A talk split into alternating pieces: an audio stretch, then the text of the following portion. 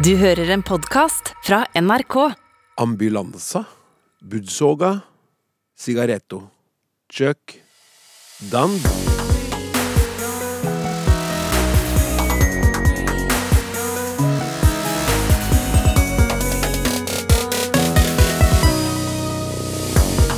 Om du ikke vet hva romanes er, er ikke det så rart.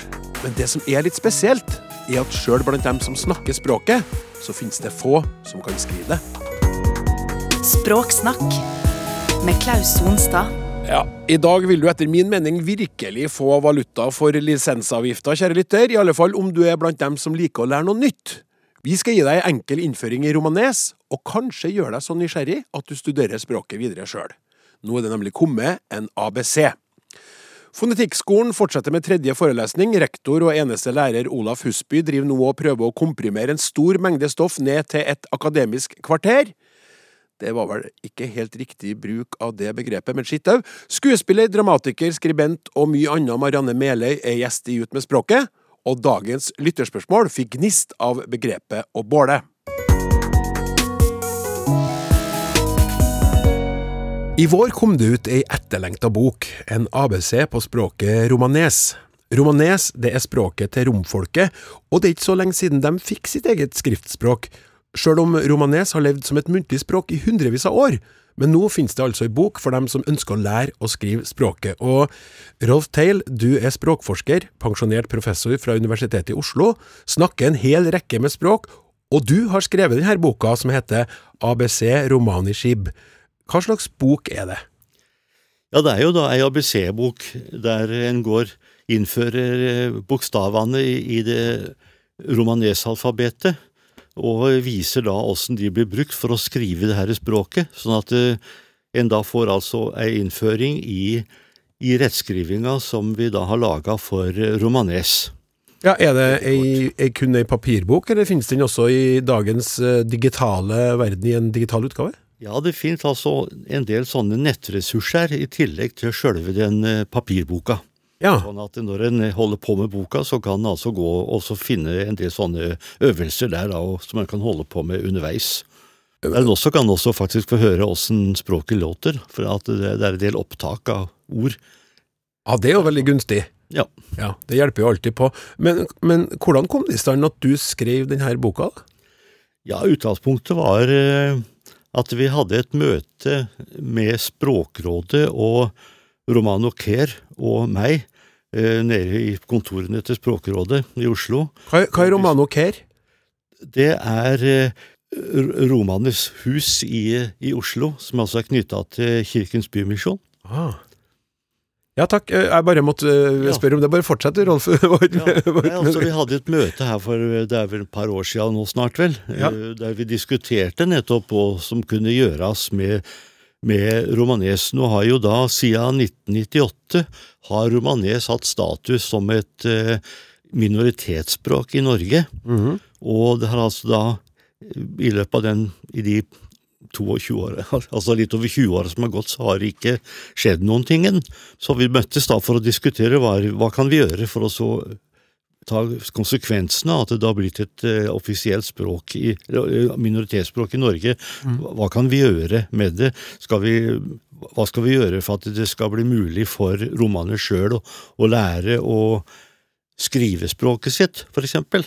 Ja. Sånne, ting, sånne spørsmål som vi da drøfta der. og så kom jeg da med et forslag om at vi kanskje kunne lage ei ABC-bok som en begynnelse, der vi også da, som sagt, innfører Eh, den nye rettskrivinga, da. Ja, og, og, du foreslo det. Ikke bare syntes de forslaget var bra, men de ga deg jobben òg? Faktisk. Ja. Hyggelig, da. Og så eh, har, har, vi også en, en eh, annen gjest her, Fanny Lakatosova. Du er svensk, og nå også norsk rom. Ja. Og det du som har hjulpet Rolf med denne boka gjennom engasjementet ditt i gruppa Romanok her i Kirkens Bymisjon. Ja, det stemmer. Det har vi gjort. Ja, hvordan har du bidratt, da? Altså, det var mye ord eh, som eh, Når han kom med den boka, så var det mye ord som ikke jeg kjente til. Ja. Og da måtte jeg forklare for Balder og de andre da, at eh, det er mange ord som var ord, men fra andre lender som ikke vi var som ikke vi skjønte, så det var der vi bidra med å få alle ordene satt sammen. Så for mange ord, eh, romske ord, er forskjellige um, navn, da.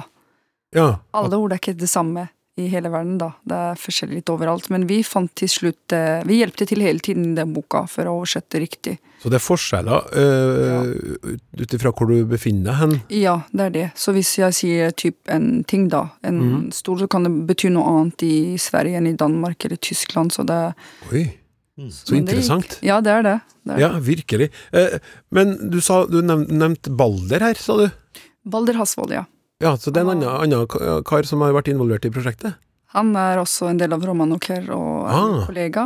Ja. Han har bidratt mye. Han er norsk, norsk og snakker vårt språk flytende. Ja, akkurat. Ja, for hils til Balder òg, da. Eh, eh, men du, eh, Fanny, hva betyr det for eh, romsamfunnet Norge at det har kommet ei sånn, sånn bok nå? Ja, absolutt fantastisk. Det er jo en eh, veldig stor ting som har skjedd, og vi er veldig stolte av det. Vi er veldig takknemlige for Holteigen også. At eh, han har hjulpet til å bidra med denne boken, og det er jo også Vårt språk er jo ikke skriftlig. Eh, du må være sammen med oss for å lære deg det. Ja. Vi har jo ikke noe land. Vi er jo overalt over hele verden, og få det på, sånn der på papir på boka, da. Ja. Og kunne lære deg ord, det er fantastisk. Det er bare begynnelsen. Ja, det er bare begynnelsen. Mm. Det var fint sagt, Fanny. Eh, skal komme tilbake litt litt senere, men Rolf, du har jo interessert deg for romanes og et beslekta språk som heter romani i hele ditt voksne liv. Kan du si litt om hvor romanes kommer fra, sånn historisk? Ja, altså både altså romanes, det er da språket til romane, mens altså romani eh, Når vi snakker om romani i Norge, så mener vi språket til de norske taterne. Mm. Og de to språka, de er eh, nært beslekta. Ordforrådet er veldig likt, mens det er store forskjeller i, i uttale og i grammatikk. ja.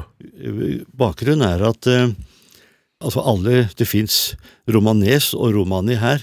Det er egentlig begge deler det vi kaller, språkforskere kaller for romanispråk, av, av ulike varianter. Og de kom til Europa fra eh, Anatolia sånn på 1300-tallet omtrent. Da kom det altså mennesker som snakka det her i sånt eldre romani til Europa. Og i løpet av noen få hundre år så spredde de seg utover hele Europa. Noen ble igjen på Balkan, andre dro til Norden, til Russland, til Storbritannia, Spania, Frankrike, Italia osv. Og eh, etter hvert som hundreåra gikk, så utvikla jo de her eh, oppstod, jo dialektforskjeller mellom de ulike variantene av romani, Mhm. og de har etter hvert så blitt så store at vi må snakke om forskjellige romanispråk i, eh, i Europa, da. ja. Så det er både en sånn fellesbetegnelse, romani, og så er det en, en variant Ja, som er sånn knytta til taterfolket. Ja, nettopp sånn at eh, når vi da snakker om romanes her, så språkforskerne kaller som regel det for valakisk eller rumensk eh, romani, mens altså da det tater, språket til taterne, det er norsk eller svensk eller skandinavisk eh, romani. Oi.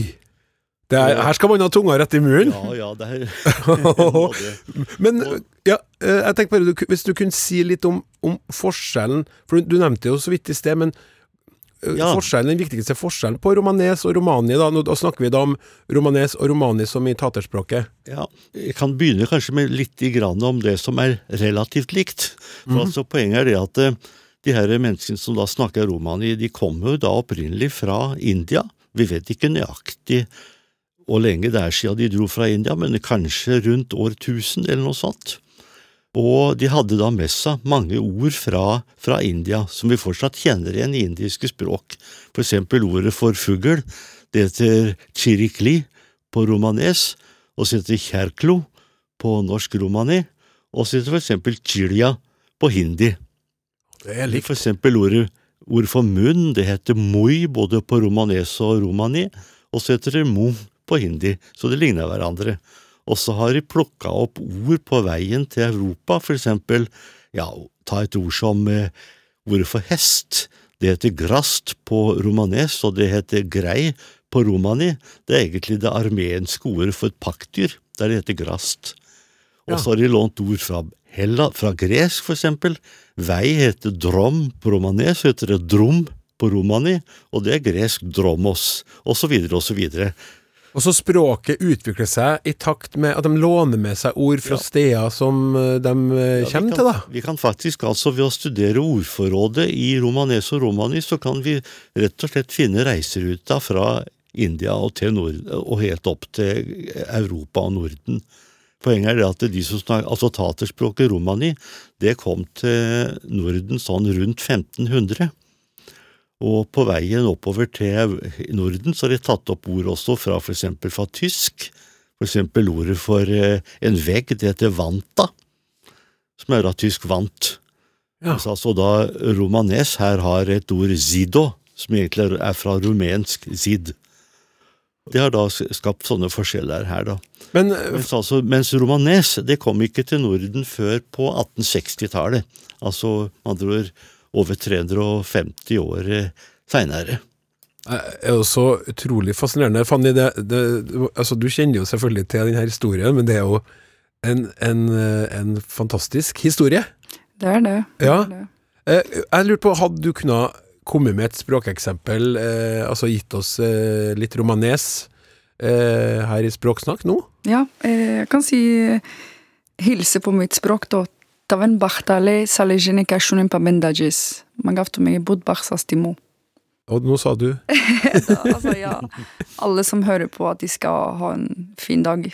Ja, Mm. tusen takk for det. En hilsning da på mitt språk, da. For alle, alle ord i vårt språk går ikke an å oversette. På mange ting så fins det ikke ord i romanesspråket. Å, Nei, det fins ikke. Ikke alle.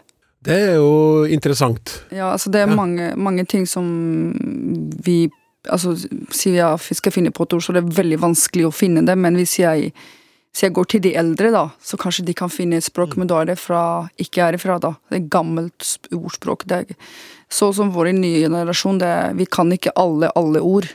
Nei. Noen ganger så skjønner man ikke alle ord. Vi hadde sånn I denne boken, ABC-boka, så var det veldig vanskelig med dyr, da.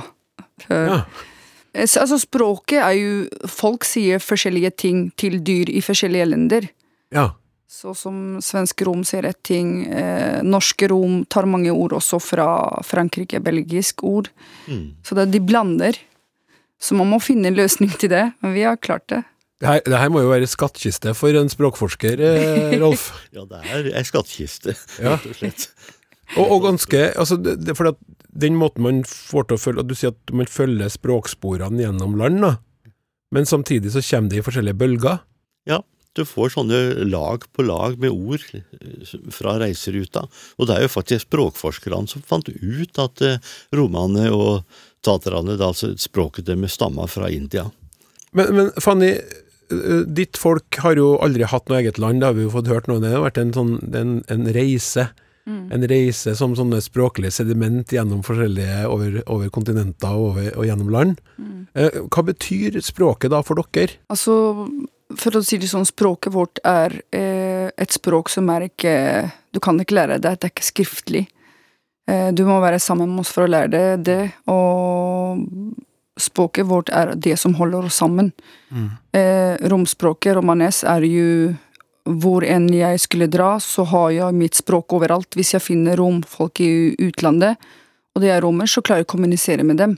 Men alle har jo forskjellige dialekter. Det Romfolket er jo over hele verden, for å si det sånn. Du møter Hvor enn du går i verden, så møter du romfolk, så har du en Du kan snakke sammen med dem, du kan eh, ha en prat med dem.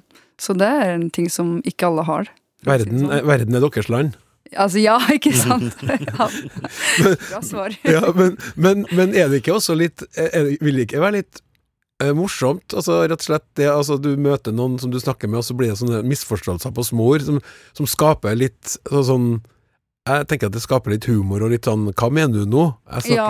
Altså, du, må drive og hjelpe hverandre på, felles, på et egentlig felles språk. Det har jo skjedd at mange ord eh, man hører som man kan begynne å le av, men uansett så har man forståelse for det. De, de kan forklare det på en annen måte. Og, men altså, vårt språk er jo et språk som alle skjønner. Vi, vi har jo de her tilreisende, de er jo fra Romania. Mm. Og de snakker også romanes, og, men de, de, dialektene, mange ord er- skjønner vi ikke, men vi klarer uansett å kommunisere med dem. Ja. Mm. Så vårt språk er, for å si vi er eh, for oss, På den måten så er vi veldig lykkelige at vi kan snakke med vårt eh, romfolk over hele verden. Ja. Mm. Rolf, Det skulle vært det internasjonale språket. Ja, ja, ja, det er sant.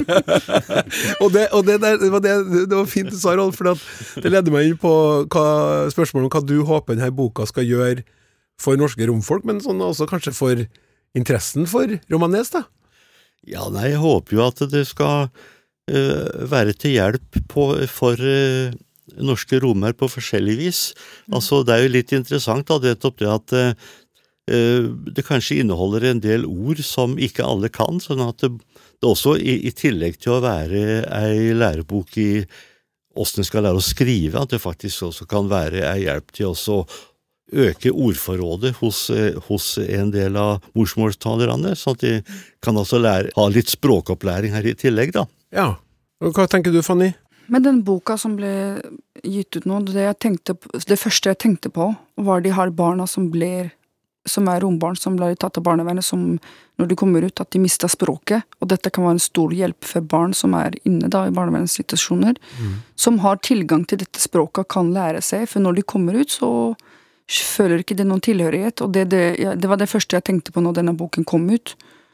Og så i tillegg til rombarn da, som ikke kan alle ord, som han sier, at eh, eh, rombarn kan ikke forklare alt hva det heter på vårt språk romanes, og det er en veldig viktig del av oss, da.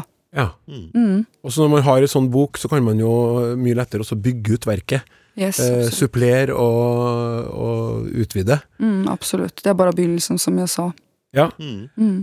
Tusen takk til dere begge to, språkforsker Rolf Teil og Fanny Lakatosova Mm. fra eh, gruppa Romano Care i Kirkens Bymisjon, og Rolf eh, Teil, altså, som er språkforsker og professor, og forfatter av boka ABC Romani Shib. Lykke til videre med det her spennende arbeidet. Mange tusen takk.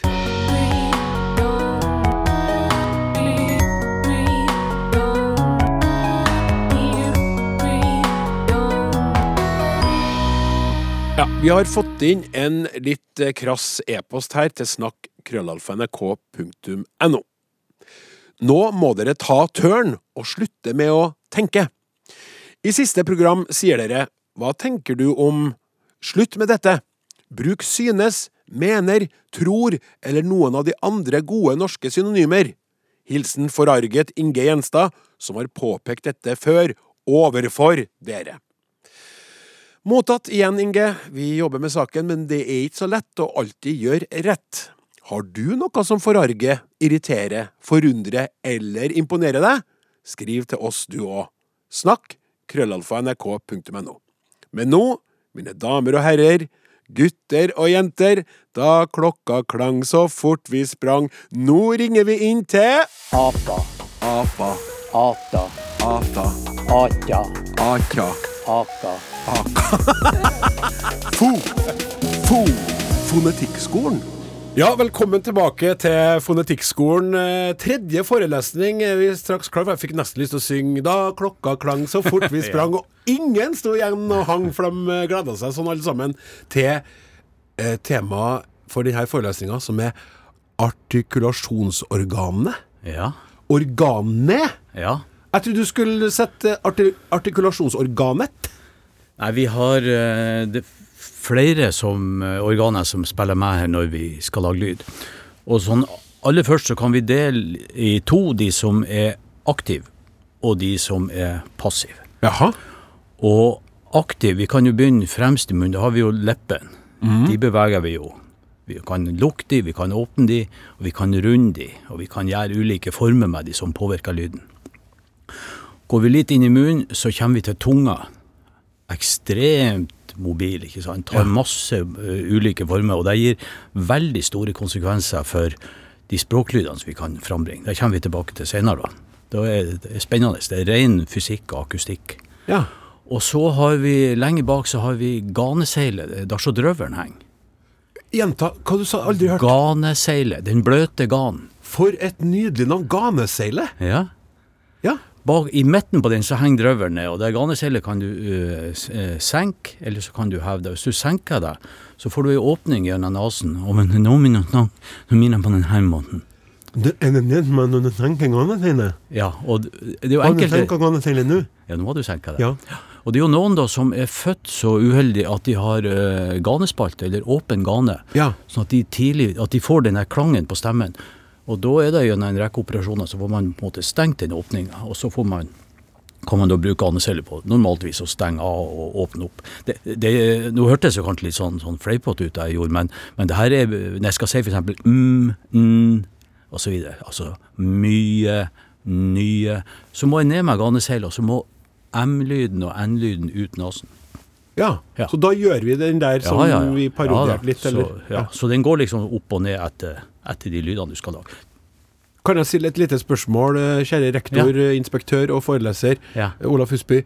Um, drøvelen uh, i denne sammenhengen, Ja. for den, den henger jo bare der og vibrerer. Den kan jo ikke gjøre noe. Jo, den kan gjøre noe. Du, Ja, akkurat, eh, eh, den gjør noe, ja. eh. For da har jeg et spørsmål etterpå. Fortell litt om den først, for da skal jeg fortelle noe så, interessant. Ja, for den henger jo ned i, på en måte, i, i løse lufta. Og når du da får eh, ja, en, luftstrøm forbi den, så kan den begynne å vibrere. Mm. Og da får du de der, og det er mitt store kompleks som fonetiker. Jeg får ikke til å lage den der nydelige eh, drøvelæren som Herborg Kråkevik har. Men kanskje du kan? Der har du det. Ja, Sjø den regredrer Er det der? nydelig. Og det er det med drøvel, drøvelen med, da? Ja, det er drøvelen som slår fram og tilbake mot, mot uh, baksida av toppen av svelget. Altså. Fordi, du skjønner, det jeg vet ikke om det her går utafor. Det her har vi ikke planlagt på forhånd, så hvis du må melde pass, så bare gjør det. Ja. Jeg har innimellom, det skjer heldigvis ikke ofte, det jeg kaller snorkedrøvel. Ja. Det at jeg, det er knytta til inntak av alkohol kvelden før, legger Ja, meg og sover, ja. våkner opp om morgenen, så har jeg liksom fått, blitt sånn tørr baki Ja. systemet, sånn at sånn drøvelen har liksom Ja. klistra seg fast Ja, til ja. Og så har den blitt veldig stor, som en boksesekk plutselig bak her. Ja. Har du hørt om det før? Ja. Du ja. Kjenner til fenomenet? Jeg kjenner godt til fenomenet. Det er veldig ubehagelig, men Ja. det, det, jeg føler ikke at det påvirker stemmen så veldig, men det er Nei. utrolig Ja, ja. snodig Det er jo en komponent i snorkinga at, du- at du kan få drøvelen til å vibrere, men òg hele ganecellet der bak til å vibrere. ikke Ja. sant? Og når du holder på med det i åtte timer, da, så er det ikke rart at det blir litt hovent og Akkurat. tørt og, og ekkelt. altså. Ja, det var en avsporing, da. Men, Ja. eh, Så drøvelen er også en, eh, et artikulasjonsorgan. Ja, du kan si den er aktiv når du lager den type eh, språklyd som på norsk forbindes med en R. Ja. Ja. Det kan være andre språk hvor den kan være en variant av andre lyder, men på norsk er det der en slags R. Og det er jo litt spennende at jeg sier R-en med å bruke eh, tungespissen. Mm På R. Nordvestlandet så sier de rr med at tungespissen vibrerer, men når du kommer litt lenger ned på Vestlandet, så får du plutselig de R-ene at det er drøvelen som har tatt over. Ja. Rr. Ja. Jeg, regner med at du prater om de som Ja. blant annet prater Ja. sånn. Ja. Ja. Så nå har vi de, de artikulasjonsorganene som er aktive. Og så har vi de som er passive, og det er de, det er de som eh, på en måte, de aktive søker imot når vi skal lage språklyder. Hvis jeg skal si f.eks. Eh, ta, så må jeg ta tunga aktivt, og så må jeg plassere den opp bak tennene. Ta. Ta. Ja. Så da er tennene en passiv artikulator, kaller vi det. Ja. For uten at de hadde vært der, så ville det vært vanskelig å uttrykke det ordentlig. Ja, ja, det går nok. Folk uten gebiss får jo til det òg, altså. Men det er klart de må gjøre visse sånne Ja, tilpasninger, for, ja. for å få det til. Og så har vi da eh, bak tennene, hvis du, hvis du setter tunga bak tennene og trekker den forsiktig bak, så kjenner du en sånn kul. Mm. Det heter tannryggen. Eh, Noen sier tannkammen òg. Det har òg navn på latin, men det kan vi hoppe over. Men der, det er òg en plass hvor det er, er, er viktig å ha kontroll på. Hvis jeg sier f.eks. Eh, fot, så har jeg fot, ja. Så har jeg tungespissen mot tennene. Mhm. Men hvis jeg sier fort, så trekker jeg tunga litt tilbake, så krøller jeg tungespissen opp, og så plasserer den bak den der Ja! Det er så artig når du beskriver det! Det er akkurat det som skjer! Jeg har aldri tenkt på det. Det er så snodig. Ja. Altså, det her må dere prøve. Du, du som hører på, dere som hører på. Det er helt som du beskriver det, men vi gjør det jo bare. Ja, ja. Ja, ja. Det, det har vi Fot. plukka, plukka opp tidlig. Ja. Fort. Fort. Ja, Det er helt ja. Det er artig. Ja, vi kommer tilbake til de her på konsonantene. da. Og så eh, har vi jo gan, er jo òg en, en, en sånn passiv artikulator. Vi, vi starter jo med den harde gan er jo fremst. Så hvis jeg sier f.eks. ikk, Ikk, altså trøndersk. Ja, ikk. Så presser Jeg jeg, på en måte fremre delen av tunga opp imot den harde ganen, og, så, og så slipper den. Ja. Og lenger bak så har vi den, den bløte ganen, som da ender i drøvelen. Men hvis jeg sier da eksempel, ja, sier ikke, eller lage, så løfter jeg baktunga opp på den bløte ganda. ja. Ja. Det, kan det en eh, Det er jo ganske mange østlendinger som ikke får til å si it. Sånn at de, Ja. de skal si Så sier de jeg er da ikke trønder it. De sier it, gjerne. De får, er, er det en krevende øvelse for dem som ikke har det Ja, den her du tok, en, du, har du tok den jo helt Ja, jeg har den. Altså, Du har den i din egen? Ja, ja, ja. Unnskyld, det var ikke jeg klar over. Jeg vil si kvitt, for eksempel. Ja. Ja. Eh, grunnen til at østlendinger kanskje får trøbbel med den, er at den er veldig nær beslektet med den kjelyden. Kjelyden er på en måte gjort på samme måten. Da har du tunga, Hvis du presser tunga opp mot den harde ganen, så senker det jo litt, så får du jo kjøre, kjøpe. ja. Kjøre, kjøpe Hvis du presser den opp nå, så får du kjøre, Kjøre kjøpe. Ja. Kjø. Og hvis du da får trøbbel med kjelyden og bytter den ut med og det blir kjøre og kjøpe, så ligger det på en måte i kortene at den der trønderske itten kan være litt vanskelig. Altså. ja. Så de, her, er, her er familieforhold inni munnen òg, altså. Nå har vi jo gått grovt gjennom det her. og Vi, eh, vi snakka om det som heter artikulasjonssted. Artik artikulasjonssted. Ja. Ja. Det finnes jo tabeller som viser på en måte språklyder eh, i ulike språk, og de setter vi da inn, og så deler vi inn da, for eksempel konsonantene etter artikulasjonssted. Så vi starter med leppelyder, lyder med leppe mot tennene. Hvis jeg sier F, F. F, så har jeg tennene her i overkjeven mot underleppa.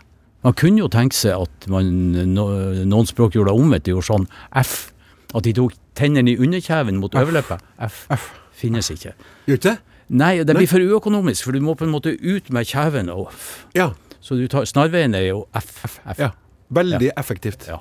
Så den første kaller vi da på latin bilabialer, sånn to leppelyder. Den andre her, F, kaller vi for labiodental, leppetannlyd. Labiodental. Ja, nydelig. Og så går vi da bak til tenner. Dental, det kjenner vi jo igjen det fra engelsk dentist. ikke sant? Og så får vi tannryggen, så får vi den harde ganen, så får vi den bløte ganen, så får vi drøvelen. Og så kan vi gå tilbake til, eh, til svelget, for du har jo språk da man presser tunga bakover. Har, har. Et slags hark. Et slags hark. Ja. Nå begynner det å bli litt sånn Star Wars for meg. Ja. Ja, ja.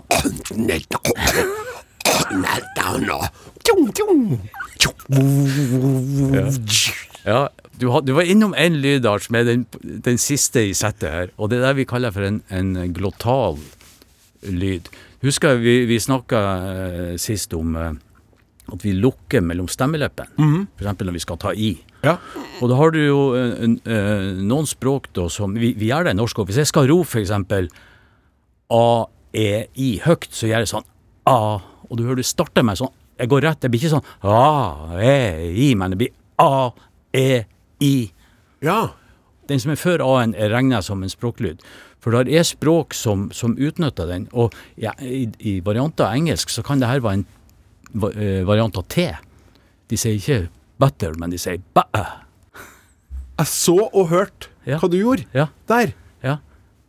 Er, er det den glotale? Ja, det, da lukker du i stemmeleppen. Du sier ikke bæ med tunga, sant? du sier bæ og lukker her nede. Eh. Ja. Jeg får ikke det. Jo, det her kan du. Det her kan. du. Ja. Men det er for at det er uvant for det å plassere den Veldig. imellom to vokaler. Men, men eh, hvis du starter en setning og snakker, eh, snakker høyt, og, og første ord i setningen starter med vokal, så er det ganske sikkert at du har den lyden der, altså. Ja. Ja. Så det er jo et enormt eh, repertoar av artikulasjonsorganer, passive og aktive. Ja, ja.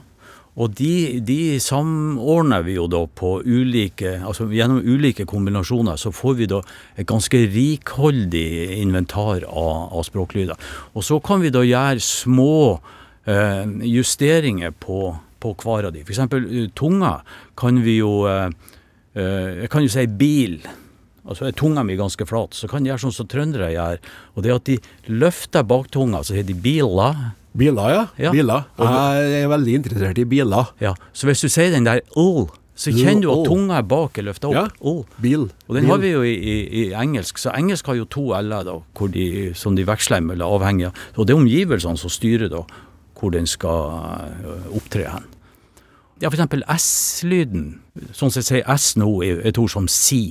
Da har jeg, leppen er, er ganske nøytral. Si. Si. ja. Si. Men hvis jeg skal si sy, så allerede Du før forma, du forma munnen annerledes. ja, runda for å si runder, S nå. runder leppen. Sy. Sy. Så egentlig så har vi iallfall to s-er på norsk. Vi har en s, og så har vi en s. Si, sy, Og du, og du hører tydelig forskjell, det er forskjell på Ja. s og s. Ja. Og hvorfor begynne å runde i leppen da? Jo, det er for at jeg ønsker jo å snakke noenlunde sammenhengende, og da må leppen være på plass når det kommer til y-en. Men så setter de på plass så tidlig at de er allerede da når jeg sier s-en. Så S-en får en annen lyd, fordi Ja. den har preparert seg. Det er egentlig en S, en YS og en IS. Nemlig. nemlig. Og det her har vi òg et fint ord for. Det heter koartikulasjon, eller samartikulasjon. Altså at vi på en måte forbereder en lyd når vi skal ta neste. Og det er på en måte strengt tatt nødvendig for å kunne holde oppe hastigheten på, på tale. Det er veldig fort gjort å tenke seg at, eh, at tale er sånn som bokstaver. ikke sant? Først tar du én, så er den avslutta, så kommer neste og neste. Men egentlig så er det ei overlapping i tid mellom språklyder. Delvis forbereder du neste lyd, delvis har du et etterslep av forrige. Derfor er det så ubehagelig å høre på sånne digitale stemmer. Ja, for det For de har ikke den glidende overgangen. Jo, etter hvert så har de fått det. Ja, de har fått, Etter- men ja. fortsatt på sånne ja. kundetelefoner så Ja. kan du høre sånn Du har kommet inn et nummer ja, som ja. ikke er i Ja. bruk. Du kan si at i, i tidlig produksjon av syntetisk tale, så ja, la oss si vi har ja, la oss si ni vokaler i norsk, for å gjøre det enkelt, da, og, og, og 22 konsonanter. Så kunne man på en måte lage sånne enkle legoklosser av lydene, og så var det jo bare å bruke tastaturet og sette i hop. Det ble en veldig unaturlig tale.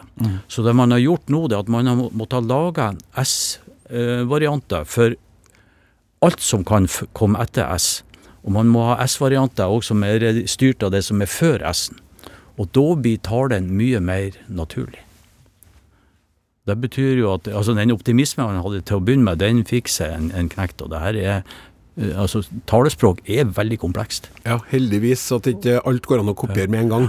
Og nå når jeg holder på her og, og snakker nå har Jeg, ikke, jeg klarer ikke å telle hvor mange lyder jeg har i, i sekundet, men, men på det raskeste så blir det fort 20 lyder i sekundet her. 20 språklyder. Det betyr et halvt tiendedels sekund per lyd.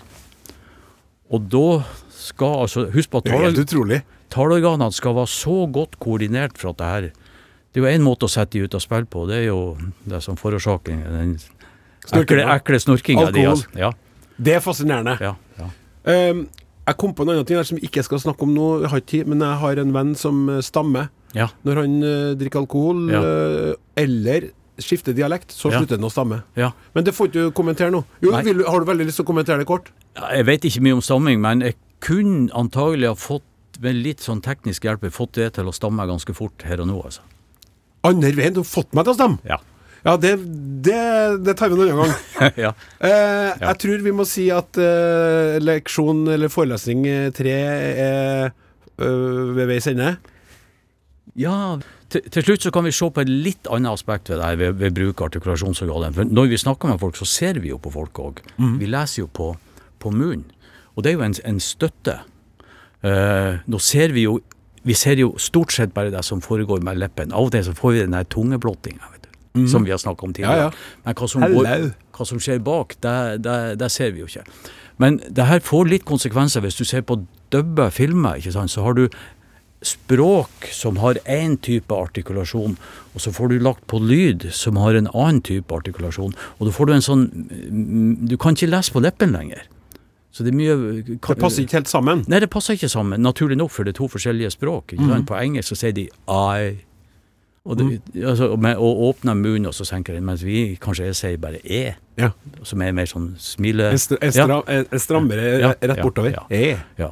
Og så er det da gjort en del eh, interessante eh, undersøkelser knytta til det her med, med, ly, med det visuelle altså det, og det lydlige inputen. Så hvis lytterne har lyst å, å ha en litt interessant opplevelse, gå på YouTube og søk etter McGurk-effekten. Skriv MCGURK. så får dere opp en del filmer som vil gi dere Jeg har gjort det eh, på tips fra deg, Olaf, og Ja. det er utrolig fascinerende. Ja. Fordi Ja. først så får du høre hva vedkommende faktisk sier, Ikke- og så forandrer seg, og så hører du, så forandrer det seg. At du hører lyden. Du godtar. Og det, Ja. Muren sier ikke det helt, Ja. men du, du, du kjøper likevel. Ja. Det er utrolig fascinerende. Ja, ja. McGurk-effekten. Ja. Sjekk ut den. Tusen takk skal du ha, rektor, inspektør og foreleser Olaf Husby. Eh, neste uke skal det handle om vokaler. ja. Hør flere episoder av Språksnakk i appen NRK Radio.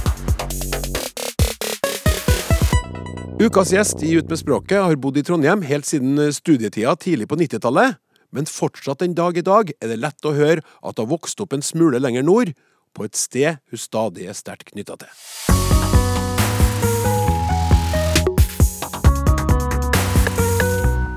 Marianne Meløy fra Alsvåg i Øksnes kommune på yttersida av Vesterålen, velkommen. Å, så geografisk korrekt. Ja, du er er du opptatt av hvor du kommer fra?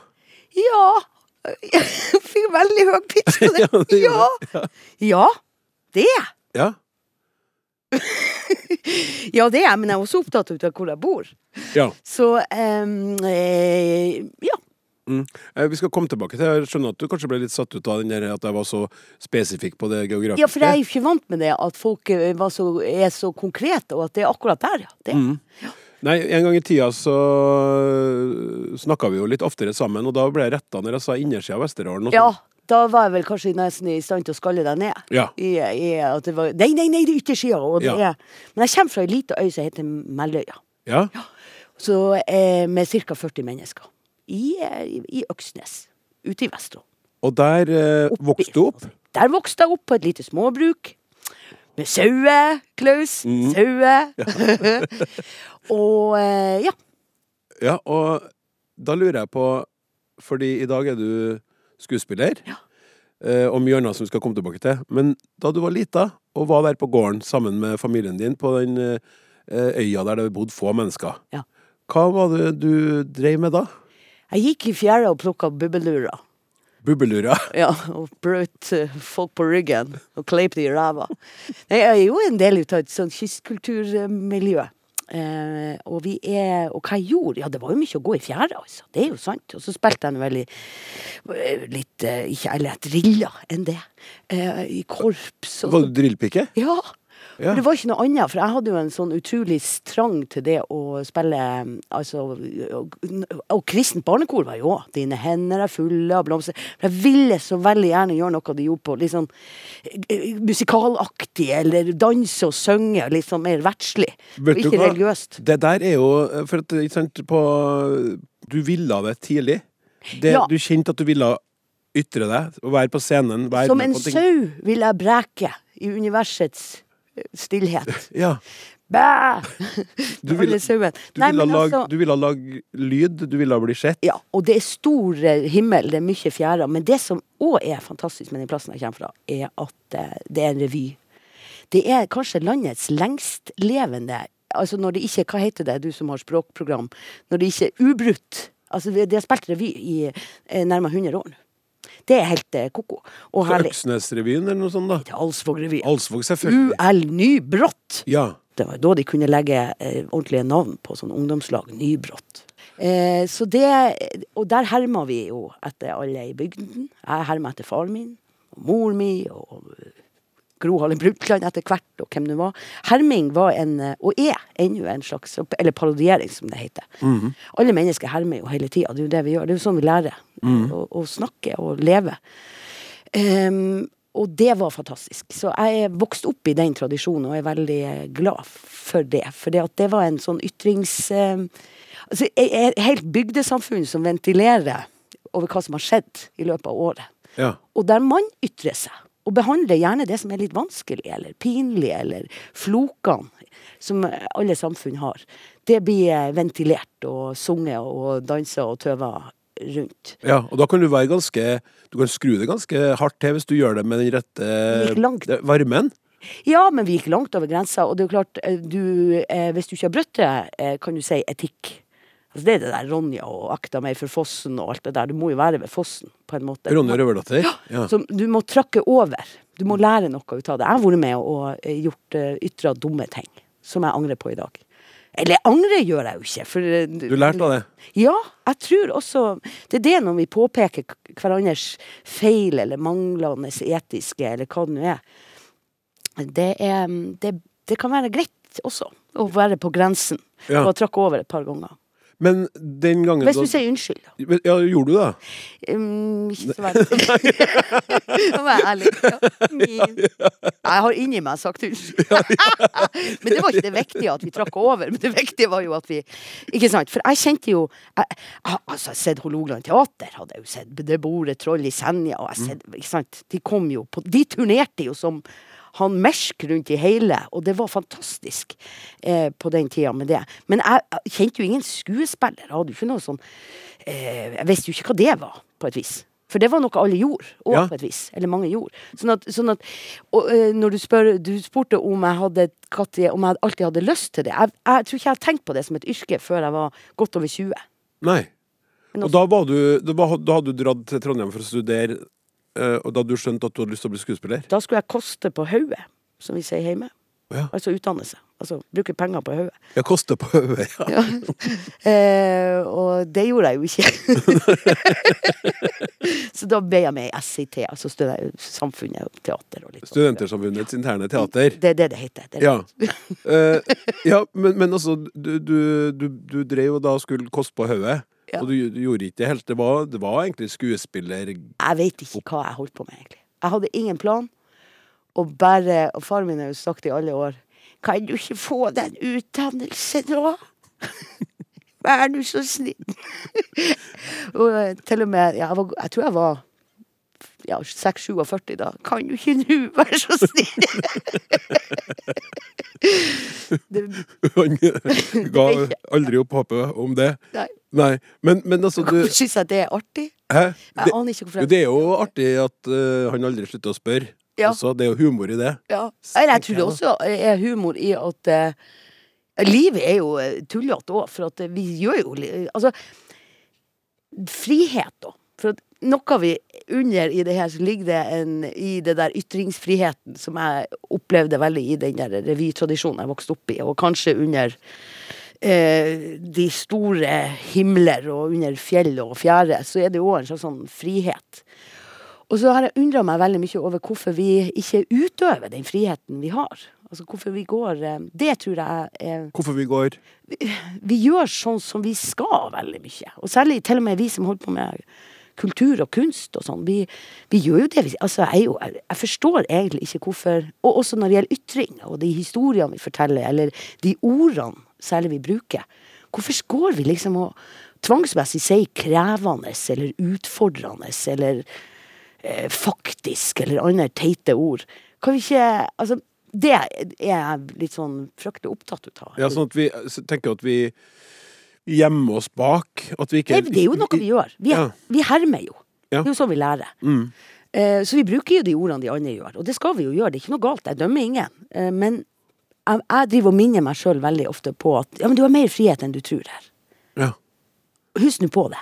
Mm. Og det får jeg noen ganger ut av sånne der, eh, eh, grøfteblomster eller eh, tullete bilder på noe galleri som er laga for kanskje flere århundrer siden, der noen bare har poff. Altså noe sånn Eller ord. Sånne små blomster som særlig folk som ikke er så forbaska trent i, i sånn derre dustprat Jeg har lyst til å si styggord nå, men som er sånn derre Det er lov å si et styggord. Ja, selvfølgelig er det det. Og, og den friheten har vi jo egentlig. Mm. Altså eh, Si det som det er, på en måte. Eller si det på en ny måte. Mm. Sånn det, det der er jo den eh, mm, Ja, altså Fordi jeg, jeg, jeg må hoppe, hoppe litt til deg. Det er fint, det. Eh, du har jo eh, Altså, du har vært skuespiller på Trøndelag Teater i mange år. Ja. For tida er du i Mio min Mio. Ja. Eh, og det er jo mange som har mer enn nok med å forholde seg til det spilleplanen på teater, og sånt, ikke sant? Og det er nå et ganske krevende yrke i seg sjøl. Krevende! Det er et jævla vanskelig yrke. Det er drittøft å være skuespiller. Det er knallhardt. Det er artig. Men det er jo veldig artig og knallhardt eh, Ja. Mm. yrke i seg sjøl. Utrolig tøft og Intenst ja. yrke. For det har jo liksom aldri vært din stil å være bare på den plassen. Nei. Du har gjort veldig mye mer. Ja. Eh, eh, skuespiller, avisspaltist, kåsør, manusforfatter, lokalpolitiker osv. Jeg vil kanskje si mer av jeg, slags identifiserer meg med aktivist enn politiker. Det var mer noe, men det kan vi hoppe over. Nei, skal vi hoppe over det. Jeg synes det var så artig. Til og med det. lokalavisa, eh, bladet bladet Vesterålen, eh, skrev jo en notis om deg i 2015 da du ble førstevara for Miljøpartiet De Grønne i Trondheim bystyre. Så fikk det jo en notis i lokalavisa. Klart jeg gjorde det, for at det var jo det, altså det er forbaska urbane idioter som går og sier at folk ikke skal få spise kjøtt eller eh, kjøre bil. Ja. Hæ? Det partiet jeg da er med i. Ja. Hva du tror? Mens eh, urbane folk tror at eh, distriktsfolk er sånne dieselstinkende distriktsnisser. Som bare står liksom med hodet ned i bensinpumpa og jokker på noen pølse. Dette var veldig sånn utøver frihet i språket. Det, ingenting ut av dette det er jo sant, da, selvfølgelig. Eh, Jeg, er jo, eh, jeg mener jo absolutt at folk skal kjøre bil, og i et særlig for eksempel, Nå begynner jeg å snakke om sauer igjen. Ja. Så, sant, ting som beitedyr som er produsert men ikke kan produsere andre ting. Bla, bla, bla. Men eh, hva du spurt om? Jo, jeg ble veldig engasjert i Lofot... Nei, ble veldig engasjert i folkeaksjonen mot eh, oljeboring i Lofoten, Vesterålen og Senja for mange, mange år siden. Og det eh, ble litt sånn oppvåkning for meg. Eh, og jeg, er, eh, jeg har hatt både økosorg og klimapoff og angst og grusomhet. Men jeg har også prøvd å lage forestillinger som prøver å eh, få til en slags fornybart håp. Ja. Det er også en språklig jobb. For ordet bærekraft, eksempel, det, det brukes av alle. Til og med de som er minst bærekraftige av alle.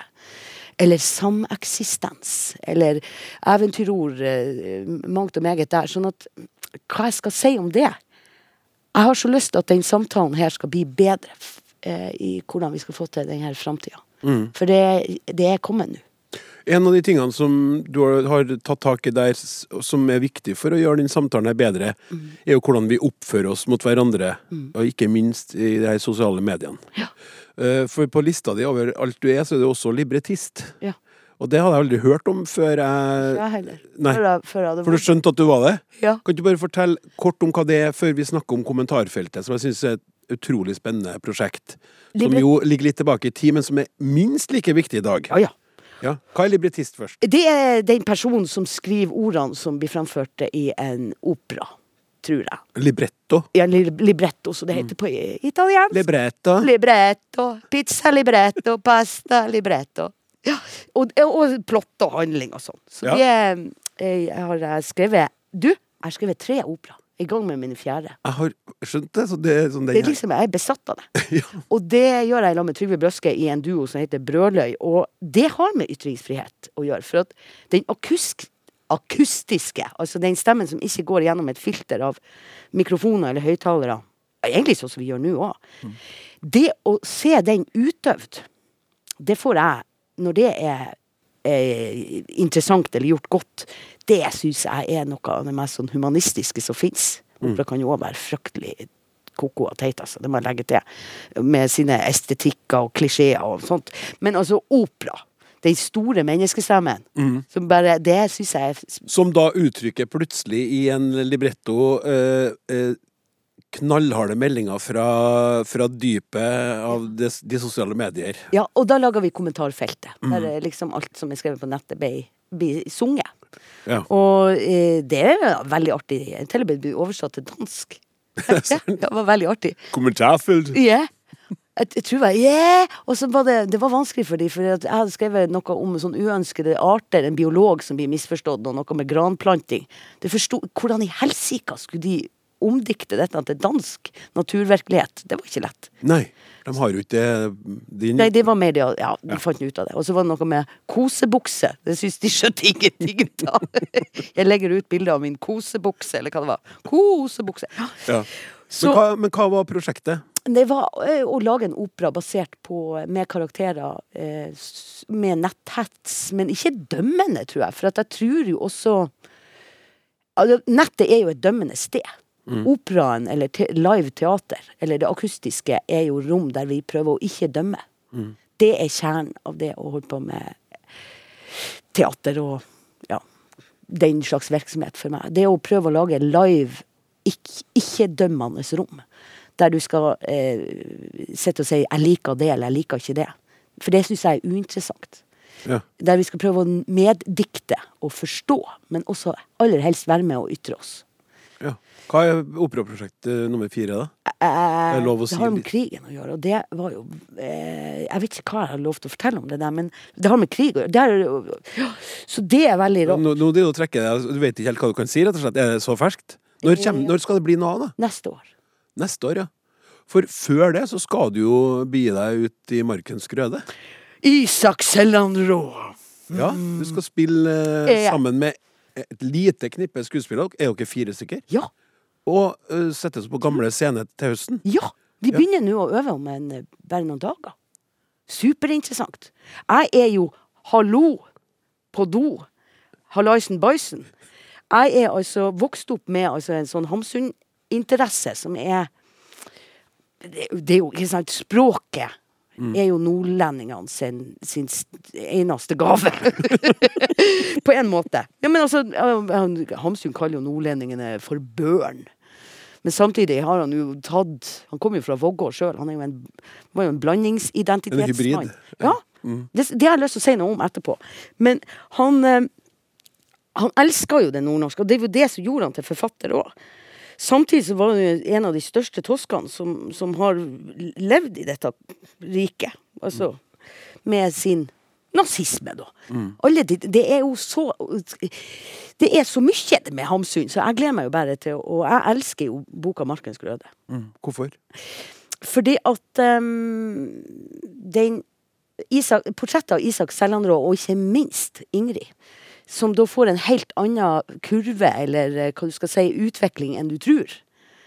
Han, han, jeg tror Hamsun sjøl blir overraska over at den retninga, at, at det på en måte går så bra med henne. Ja, for det har jeg skjønt at forfattere Sa jeg Ingrid, er det ikke Inger? Ja, det husker jeg ikke. Nei, nå det er lov å gjøre feil. Ja, det er lov å gjøre feil. Det har jo du vært veldig opptatt av Ja. her nå.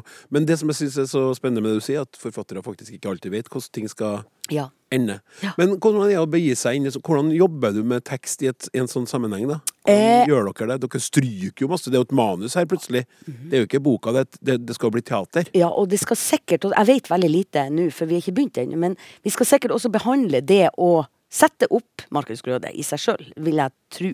For Hamsun, han står jo seg ikke Han står seg jo fantastisk, og det er jo et mesterverk.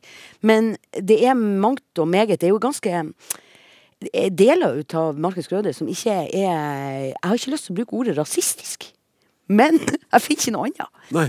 Eller, altså, det, det, det gir noen eh, eh, karakteristikker av det samiske, samtidig som man på et vis også først Altså, skjønner du? Ja. Det er jo derfor vi lager det her. Det skrev jeg i tid, og nå leste det nå, så er det Men at han var eh, rasist Hallo. Jeg må slutte å si hallo nå. Jeg kjenner Men altså at, at det er åp Jeg var med, og, eh, åpna, var med på åpninga av Hamsunsenteret.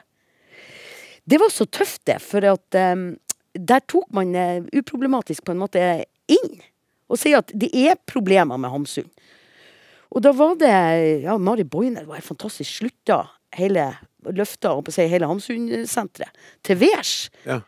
Um, fordi at det der er kompliserte, og det har alt med Nord-Norge og forholdet til språk og det samiske. Det er, er Hvordan skal man forklare eller fortelle eller belyse dette fra mange vinklinger samtidig? Det, mm, ja, det trenger man jo teaterforestillinger til å gjøre. Um, Men, hva, men det, var, én ting du ville si, sa du. ville- Du ville nevne noe. Husker du hva det var? Ja, det husker jeg. Ja, det skal du få lov til nå. Jeg har, eh, vi nærmer oss det spørsmålet jeg skal stille som er det eneste faste. skjønner du? Ja, For jeg tror Jeg tror ikke det eh, Jeg tror ikke mennesk... Jeg tror ikke på at et menneske Eller Vi er opptatt ut av ordet identitet, da. Eller vi. Hvem er vi? Det vet ikke jeg. Men altså Ordet identitet, hva er din identitet? Eller Det skal liksom være én ting. Og det tror ikke jeg noe på lenger. Det er en ting jeg har skifta sånn mening om de siste årene. Jeg syns veldig ofte at de som har en blandingsbakgrunn ofte har, eh, de, de har jo ofte doble perspektiv. Mm. de som har flytta på seg, f.eks. flytta fra der de er vokst opp, til en ny by, sånn som meg, da. Men også som er mye hjemme. Ikke sant? Jeg, jeg føler jeg bor to plasser. Jeg føler jeg har flere identiteter. Og jeg, også språklig. Jeg har vært forferdelig bevisst på å prøve å holde på eh, min vestråling, og nå sier de jo hjemme Tante Marianne, du snakker utrolig gammeldags. Det gjør jeg jo. Jeg er jo en sånn 80-talls Mitt Ja. språk er jo da en tidscelle, sånn som det vil være med norsk-amerikanere. Herlighet, du må chille, liksom. Altså, det er jo forandra, sant. Ja. Og det syns jeg aldri er noe galt, for språket skal forandre seg. Og vi skal forandre oss i løpet av livet med våre identiteter. Vi skal la oss på et vis ta opp flere gode ting. Eh, fra det vi kommer fra, og det vi kommer til. Og om vi kommer fra flere, flere kulturer, eller om Vet du, Det er så fint at du sier. For i sendinga i dag så har vi snakka om romanes. Og det er et folk som har vandra, og du kan tidfeste hvor de har vært, eller du kan finne språkutviklinga gjennom å se hvor de har vandra. Så skjønner du hvor de har vært. De har snappa opp ord og vendinger i forskjellige land de har besøkt. De har jo ikke et eget land. De er et folk som alltid har vært i bevegelse. Sånn som du er en, som du sier, tidskapsel fra språklig fra 80-tallet. Så finner man ut hvor de har vært gjennom at de ser at de har plukka opp ord underveis i sin historie. da. Og det er jo helt fantastisk. Du snakker om akkurat det nå. Ja. Det Og jeg er veldig, veldig Jeg tenker veldig på det. For at det der eh, Når vi snakker om å være norsk Er du norsk egentlig? Jeg vet ikke helt hva det er. Jeg vet bare at jeg er et eh, Jeg har flere identiteter, og jeg tror mitt forhold til språk og det nordnorske språket er utrolig prega av min trønderske mor. For mor mi kommer fra Trondheim. Og hun var sånn Når jeg vokste opp, så sa hun 'Å, for et spennende ord'. Hva var det? du ramsalte, eller du søkksalte, eller eh, jeg vet ikke, bakbeist, eller hva det nå er. «Hæ? Fortell om det. Sånn at hun med utenfra-blikket på en måte var den som skrev opp de artigste ordene. ja. Ikke min far, som var jo Ja, var midt i det. Ikke sant? Du kan det jo. Men Og nå bor jo jeg i Trondheim. Sånn at Og jeg liker navn som er sånn Også viser fram at vi er forskjellige. Vi kommer fra forskjellige ting. Ja. Og det er det å være ja, menneske. Eller og identitet kan være identiteter. Eller at du har mange ting i det. Jeg, jo, jeg må si at jeg er jo spent hver gang, for jeg, jeg, jeg gleder meg jo veldig til svaret til gjestene på det her spørsmålet. Men spesielt nå når du har sagt så mye om at du opplever at du har flere identiteter. Du er veldig opptatt av språk, du er opptatt av å ta med din egen historie, sant? og du snakker et 80-talls, eh, en 80-tallsversjon av Du havner oppi lokaldialekta det. Det er artig. Ja. 80-talls. Ja, ja. Ja. Jeg syns det var artig fordi at de sier at du snakker gammeldags. Ja. Eh, men eh, Marianne Meløy, skuespiller og så utrolig mye annet. Ut med språket. Jeg er ikke én ting. Jeg er mange ting. Du er mange ting, Mange men, ting. men du får bare si én ting nå. Hva er ditt favorittord? Ja, det vet jeg. Må jeg bare si én ting, for jeg hadde mange i meg. Du kan ikke si mange. Du, kan, Jeg sier bare ett, da. du sier bare ett. Grunne. Grunne? Grunne, ja. Grunne. Ja, det er grunne. Grynna. Eh. Ja, jeg grunner. Grynna. Altså der innmed inn med land? Grunna? Nei, ja, du kan godt grunne. Nei, ja, kanskje det. Jeg vet ikke. Det det betyr Hva du sier når du går i vann? Jeg går på grunna. Nei. Jo, det gjør du òg. Ja, men Men du har jo et ord for det å gå i vann. Og det er jo altså nå Hvis du ikke bader. De er vasse. Ja.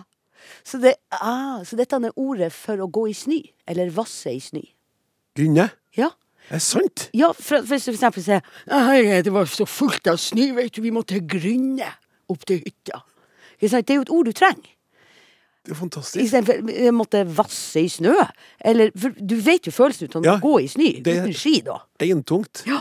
Og øh, hva si, folk som har kontakt med snø, har jo ofte mye sånn snøord. Og der har vi jo sånt, og det sier vi i Vesterålen. Og det fins ennå. Åh, tungt å grunne. Så jeg er veldig glad i det ordet. Åh, det ble jeg òg veldig glad i. Du kan begynne å bruke det, vær så god. Aldri du kan ta det med opp i din identitet. Jeg og Anne Meløy, det blir spennende å uh, se for dem som kommer på Trøndelag Teater til høsten. da. Premiere 24.9. på Ja, Markens Grødde. Forberedt meg, vet du. Ja, Bruker å gjøre det innimellom. Og så et hemmelig eh, eh, libret, libretto Vet du hva? Libretto? Libretto. Libretto, ja. Librettoprosjekt. Eller et operaprosjekt, da. Operaprosjekt som handler om krigen. Ja. Og så, øh, vet du hva En gang jeg var på operamøte, så sa de Så sa de øh, vi, det må leveres et klaveruttog. Eh, eh, 1. juni, eller hva det var. Graveruttog. Ja, og så sier jeg ja, kan, kan dere gjøre det? Ja!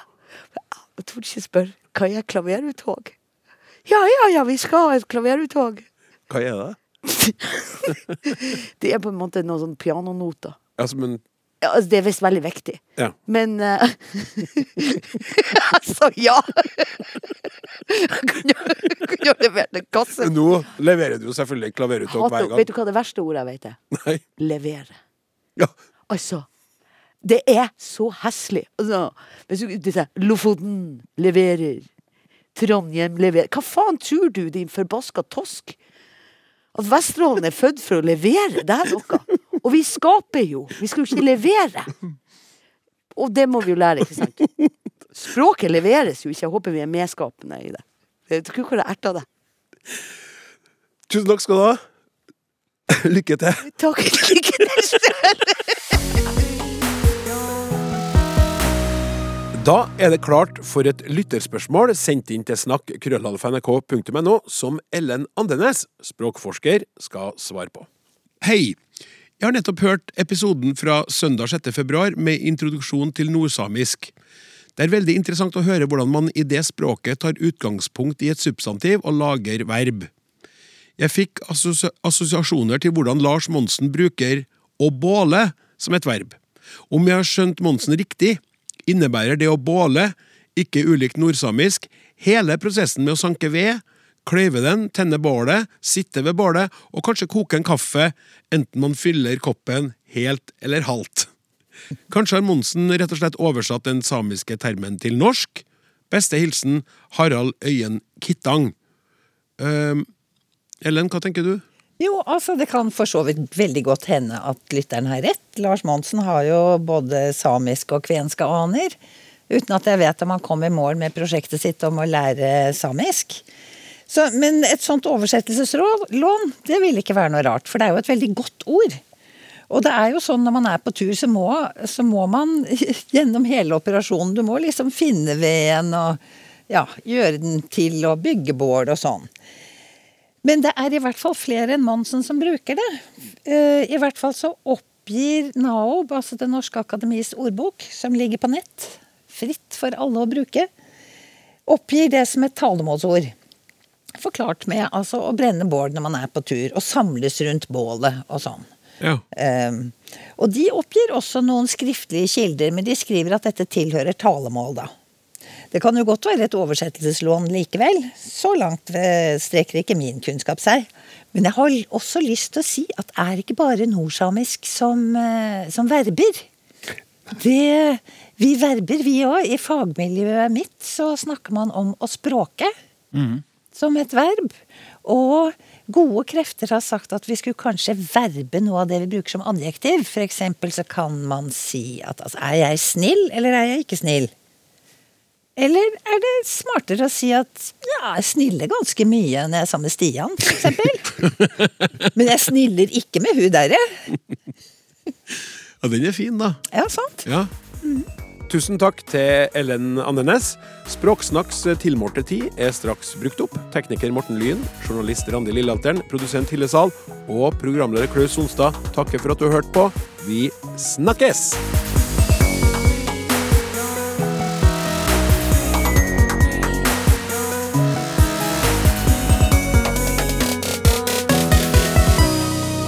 Du har hørt en podkast fra NRK. De nyeste episodene hører du først i appen NRK Radio.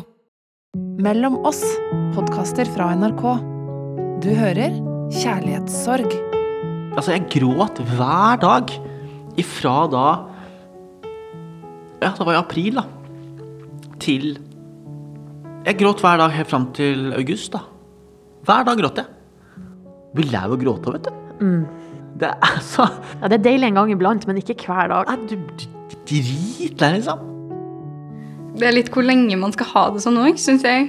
En ting er jo at det skal gå over, men eh, skal jeg ha det sånn i Er det liksom fire måneder til? Noen begynner å snakke om år. Jeg får helt sånn Nei. Vær så snill.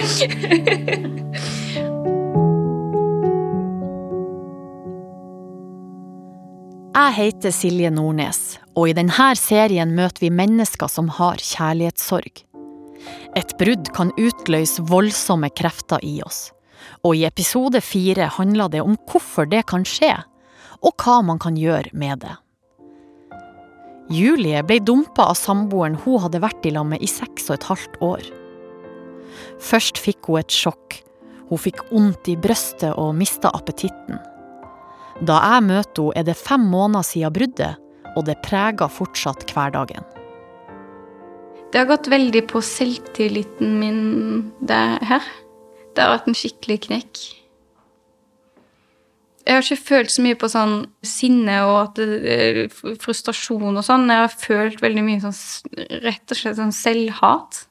Som jeg Det er jo ikke det at man aldri har på en måte hatt negative tanker om seg sjøl tidligere, men jeg har følt at jeg har hatt en sånn grunnleggende stabil selvtillit som plasserer liksom den personen jeg er, litt i, i det bildet jeg har i hodet, og at jeg, det stemmer overens. Men de tankene som har kommet nå, det er liksom eh, Man føler seg bare helt eh, verdiløs og så har jeg jo tenkt på hvem er det du tror det er som skal liksom Tror du at noen eh, bryr seg om din erfaring med, med kjærlighetssorg? Hvorfor skulle man ville høre på det? Den der hat, mobbestemmen, den eh, Den syns jeg Ja, det er kanskje det som har vært det mest ugreia med hele prosessen. Er at den stemmen har oppstått. Som jeg ikke har eh, Jeg har ikke kjent så mye til den før. En slags ny venn man ikke vil ha.